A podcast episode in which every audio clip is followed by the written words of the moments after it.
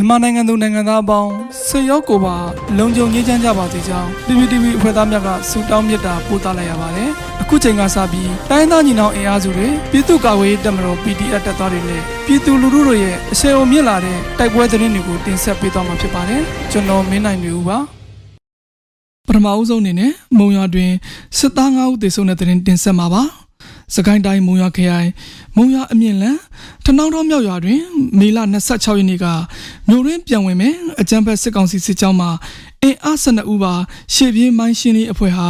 ရွှေစုံမှန်ကျောင်းတိုက်အနောက်ဘက်လမ်းပိုင်းရှိမိုင်းကွင်းအတွင်းဝင်ရောက်လာ၍မိုင်းဆွဲတိုက်ခိုက်ရာစစ်ကောင်စီဝင်9ဦးအနည်းဆုံးသေဆုံးကြောင်း DGF အောက်ချင်းတွင်မုံရွာမြို့ပြပျောက်ကြားအဖွဲ့ကသတင်းထုတ်ပြန်ပါတယ် ထို့ပြင်စစ်ကူလာတဲ့စစ်ကားတစ်စီးကိုညောင်မင်းသာတင်းချိုင်းအနောက်ဘက်လမ်းပိုင်းတွင်မွန်းလွဲ7နာရီအချိန်အသင့်စောင့်ကြိုမိုင်းဆွဲတိုက်ခိုက်ရာ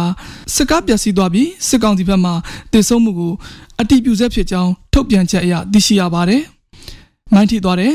စစ်ကောင်စီတပ်များကရန်တမ်းပစ်ခတ်သဖြင့်ပြည်သူတအုပ်တိုက်ဆုံခဲ့ကြောင်းထို့အတွက်ပြည်သူများအဆအဆသတိပြုရှောင်ကျဉ်နေထိုင်သွားလာရန် DGF အောက်ချင်းတွင်မုံရမြို့ပြပျောက်ကြားရဲဘော်များအဖွဲ့ကသတင်းထုတ်ပြန်ထားတာပါ။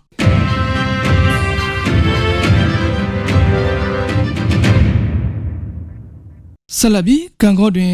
စစ်တပ်ကင်းစကန်ကိုကာကွယ်ရေးတပ်ဖွဲ့များကဒရုန်းဖြင့်ပုံကျဲတိုက်ခိုက်စစ်သား2ဦးသေဆုံးတဲ့တဲ့တင်ဆက်မှာပါမကွေးတိုင်းကံကောမြို့မြစ်တာမြစ်ကူတရာရှိအကြမ်းဖက်စစ်တပ်ကင်းစကန်ကိုမေလ26ရက်နေ့နနက်9:30မိနစ်ခန့်တွင်ဒေသကာကွယ်ရေးတပ်ဖွဲ့များက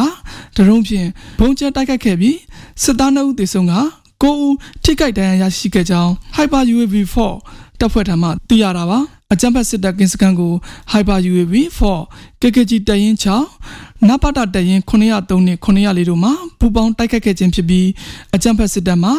RPG လက်နက်ငယ်များဖြင့်ပြန်လည်ပစ်ခတ်ခဲ့ကနနက်10နာရီခန့်တွင်ပြန်လည်ဆုတ်ခွာခဲ့ကြောင်းသိရပါတယ်